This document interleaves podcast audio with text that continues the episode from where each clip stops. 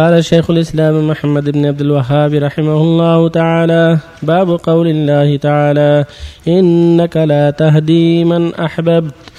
وفي الصحيح عن ابن المسيب عن أبيه قال لما حضرت أبا, أبا, أبا, أبا طالب الوفاة جاءه رسول الله صلى الله عليه وسلم وعنده عبد الله بن أمية ابن أبي أمية وأبو جهل فقال له يا عم قل لا إله إلا الله. كلمة وحاج لك بها عند الله. فقال له أترغب عن ملة عبد المطلب؟ فأعاد عليه النبي صلى الله عليه وسلم فأعادا فكان آخر ما قال هو على ملة عبد المطلب وأبى أن يقول لا إله إلا الله. فقال النبي صلى الله عليه وسلم لأستغفرن لك ما لم أنه عنك. فأنزل الله عز وجل ما كان للنبي والذين آمنوا أن يستغفروا للمشركين. وأنزل الله في أبي طالب إنك لا تهدي من أحببت ولكن الله يهدي من يشاء. وصلى الله الحمد لله. وصلى الله وسلم على رسول الله وعلى آله وأصحابه ومن اهتدى به. أما بعد قد عقد المؤلف رحمه الله هذا الباب تأكيدا لما تقدم لبيان أن التوحيد والإخلاص لله لا بد منه وأن أقرب قريب للأنبياء كأبي كالأب والعم ونحو ذلك لا ينفعه قرابة لا تنفعه قرابته إذا لم يسلم. ولهذا قال جل وعلا إنك لا تهدي من أحببت ولكن الله يهدي من يشاء. قال سبحانه ليس عليك هداهم ولكن الله يهدي من يشاء. فيبين في هذا الباب ما ذكر من الآية والحديث أن الأنبياء ليس في أيديهم هداية أحد وإنقاذهم من النار وإن هذا بيد الله عز وجل وإنما الذي في يد الأنبياء والعلماء والدعاة هو التبليغ هو البيان هو الدعوة هو الإرشاد هو النصيحة. أما هداية القلوب وتوفيق القلوب وردها إلى الصواب هذا بيد الله سبحانه وتعالى هو الذي يهدي من يشاء. ولهذا قال عز وجل إنك لا تهدي من أحببت يعني يا محمد. لا تهدي من أحببت هدايته كأبيه وأمه وعمه ونحو ذلك. ولكن الله يهدي من يشاء. في الصحيح في صحيح البخاري رحمه الله عن سعيد بن المسيب. المسيب هو ابن حزن يقال له مسيب بفتح السين ويقال مسيب. والمشهور بفتح مسيب. ابن حزن المخزومي عن أبيه المسيب. رضي الله عنه صحابي. قال لما حضرت أبا طالب وفاه. أبا طالب عم النبي صلى الله عليه وسلم. وكان ينصر النبي ويحوطه ويحميه وهو على دين قومه. أبو طالب على دين قومه ومع هذا سخره الله يحمي النبي صلى الله عليه وسلم وينصره ويحميه من أعدائه طيلة حياته وهو ينصر النبي صلى الله عليه وسلم ويحميه. ويقول فوالله لن يصلوا إليك بجمعهم. حتى وسد في التراب دفينا وقد حصر هو عمه في أبي في شعب أبي طالب ثلاث سنين حصرهم المشركون. ولم يزل يناضل عنه وينافح عنه ويدافع عنه حتى مات وهو على دين قومه.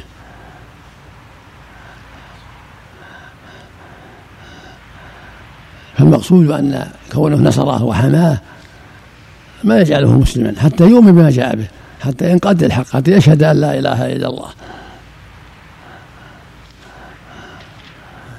وفي شعره يقول ولقد علموا أن ابننا مكذب لدينا ولا يبنى بقول الأباطل ويقول في شعره فلقد صدقت وكنت ثم أمينا. فهو مقر بصدقه ولكنه لم ينقاد لما جاء به. فلما حضرت الوفاة جاءه النبي صلى الله عليه وسلم. يرجو أن الله يهدي على يده فقال يا عم قل لا إله إلا الله. وكان عنده أبو جهل بن هشام من رؤوس الكفرة قتل يوم بدر. خبيثا قال قتل كافرا. وعنده عبد الله بن أبي أمية أيضا المخزومي كافرا ذاك الوقت. وقد أسلم عبد الله وهداه الله ومات على الإسلام. فقال يا عم قل لا إله إلا الله. كلمة أحج لك بها عند الله. فقال على جلساء السوء. أترغب عن ملة عبد المطلب. ملة عبد المطلب الكفر بالله. واتخاذ الأوثان والآلهة. فعاد عليه النبي صلى الله عليه وسلم وقال يا عم قل لا إله إلا الله. فعاد عليهم أبو جهل وابن أبي أمية. يقولان له أترغب عن ملة عبد المطلب؟ فقال أبو طالب عند موته هو على ملة عبد المطلب. أنا على ملة عبد المطلب. وأبى أن يقول لا إله إلا الله. ختمت له بالشقاوة نسأل الله العافية. فقال النبي صلى الله عليه وسلم لا أستغفرن لك ما لم عنك. من شدة حرصه على سلامته لأنه قد حاطه ونصره وحماه وبذل جهود كبيرة. فقال لا أستغفرن لك ما لم أنه عنك. فقال فأنزل الله في ذلك.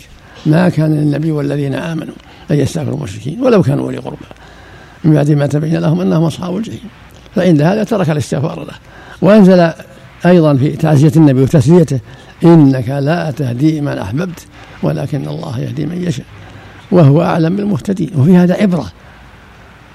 كل إنسان الآن إذا إذا خالفه وقاربه وعصوه قالوا النبي ما هدى عمه.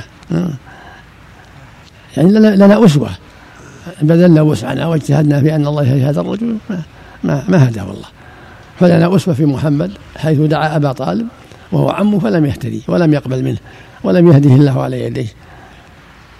إنك لا تهدي من أحببت ولكن الله يهدي من يشاء.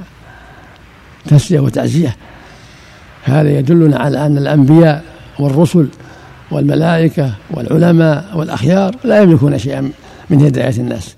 الهداية بيد الله لا يملكها نبي ولا ملك ولا عالم ولا عابد ولا غيرهم. الهداية بيد الله هو الذي هو الذي يهدي من يشاء. يعني هداية التوفيق والرضا بالحق وقبوله هذه بيد الله جل وعلا.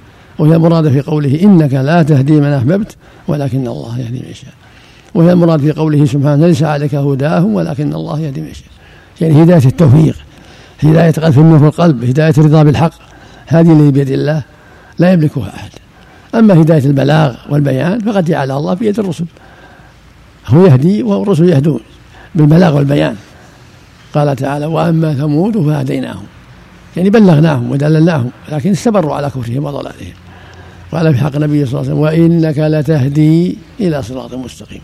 يعني هداية البلاغ والبيان في يد الرسول بيد أتباعه وبيد الرسول جميعا. الهداية التي معنى البلاغ والبيان وهي المراد في قوله وإنك لتهدي إلى صراط مستقيم. يعني تبلغ وترشد. ففي هذا ففي هذه القصة عظة وذكرى. ودلالة على أن النبي صلى الله عليه وسلم لا يصبح يعبد من دون الله وأنه لم يستطع يهدي عمه فكيف يهدي غيره؟ وليس في يده ضر ولا نفع كله بيد الله جل وعلا. كله بيد الله سبحانه وتعالى. ما أحد يملك نفسه نفعا ولا ضرا كله بيد الله عز وجل. ولا أحد يملك لنفسه ولا لقاربه لأقاربه الهداية التي هي الرضا بالحق وقبوله. هذه بيد الله. فالواجب على المكلف أن يضرع إلى الله وأن يسأله الهداية وأن ينطرح بين يديه وينكسر يرجو رحمته ويخشى عقابه. وفي هذه القصة من الفوائد الحذر من جلساء السوء. الحذر من جلساء السوء فإن شرهم عظيم. فهؤلاء فعبد الله وأبو جهل شجعاه على الباطل شجعاه على البقاء على دين قومه. فهما من جلساء السوء. لكن الله هدى عبد الله وأسلم بعد ذلك. ففي هذا أنه ينبغي المؤمن أن يحذر جلساء السوء وأن يبتعد عنهم لأنهم يضرونه. ويدلونه يهدونه إلى الباطل فالواجب الحذر منهم. ولهذا قال صلى الله عليه وسلم مثل الجليس الصالح كحامل المسك. إما أن يحذيك وإما أن تبتاع منه وإما أن تجد ريحا طيبة. ومثل الجليس السوء كنافخ الكير. كنافخ الكير إما أن يحرق ثيابك وإما أن تجد ريحا خبيثة والمرء يقول صلى الله عليه وسلم المرء على دين خليله فلينظر أحدكم من يخالل؟ فالحزم والخير والواجب هو صحبة الأخيار؟ والبعد عن صحبة الأشرار في هذه الدار. لعلك تسلم من شرهم. وفق الله جميعا. الله إليك. هذا رجل باكستاني يشتكي من زوجته وأبنائه. يقول زوجتي عقد في جسدها تمائم في جسدها وكذلك تجعل تلك العقد في أبنائي. وإن قطعت العقدة التي في جسدها ضربتني وإن طلقتها جعلت جماعتها يضربونني وحتى الأبناء كذلك. لا لا لا, يطلق ولا ولا يعترف يدعوها بالحكمة بالرفق. يدعوها بالرفق والكلام الطيب. وخلي من يدعوها من الطيبين من جيرانه وأقاربه. يبينون لها أن هذا ما يصلح وأن الواجب الثقة بالله والتوكل على الله والدعاء كونها تدعو لهم. الله أعيذكم بكلمات الله التامات لأولادها عند النوم. وأعيذكم بكلمات الله التامات من شر ما خلق. تقول اللهم احفظهم. اللهم سلم. يبين لها الشرع. ولا يعجل في الطلاق. إذا لا يقطع لا منها ولا من لا يعجل في الطلاق ولا ولا ولا يعجل في القطع ما دام يتسبب شر عليه. نعم. ولكن يستعين بالله ثم بأقاربها والتي تعظمه. نعم. أقاربها يقول الشر كله. ولو إذا صدق يسر الله أمره إذا صدق إن تنصروا الله ينصركم أبو جهل عم الرسول. ها؟ أبو جهل. ابن عم من بني مخزوم. ابن عم الرسول. ابن عم من بعيد ابن عم بعيد يجتمع في الجد الرابع والخامس. نعم.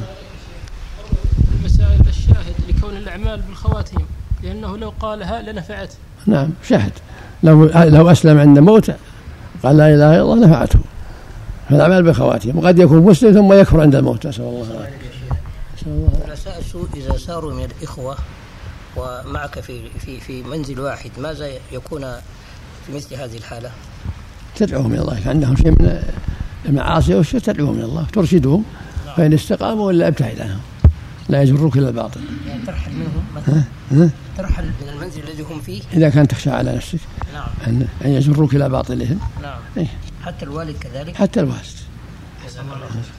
أنها تقبل التوبة ما لم يغرغره يا شيخ. يعني ما لم تغر الروح الغرغرة عند خروجها إذا عاين. نزول الملك الموت. فرعون أحسن الله عليك. قال آمنت إنه لا إله إلا الذي آمنت به بنو إسرائيل. ها؟ فلما أدركه الغرق هذا ما ما نفعه إيمانه. لأن نزل البلاء. قال تعالى فلما رأوا بأسنا قالوا آمنا بالله وحده وكفرنا بما كنا به مشركين. فلم يكن فلم يكن ينفعهم إيمانه لما رأوا بأسنا. إذا نزلت العقوبة ما عاد ينفع. لما حلت العقوبة في ثمود ما ينفعهم التوبة. أو في عاد ما نفعتهم التوبة. إنما التوبة قبل ذلك. مثل فرعون. حتى مثل فرعون. مثل فرعون. الله بس أخرج لهم الجسد ينظروه أنه مات حتى لا يسوي لهم الشيطان لا أنه أنه حي وأنه حي في المحل الفلاني. حتى يشاهدوا جسده. أحسن إليك. من حضر؟ لأن في نفوسهم عظيم هو إله أحسن الله إليك. ما رأيك في التحرير التقريب التقريب التهذيب؟ ما ما, ما قرأته طال ما راجعته راجع راجع إن شاء الله. وهو في سكرات الموت. ولقنه لا إله إلا الله ولم ينطق بها. هل يكررها عليه صلى الله عليه حتى يذكر أحسن يكرهها لعل الله. لعله إن شاء الله ينطق بها. ما- ما لا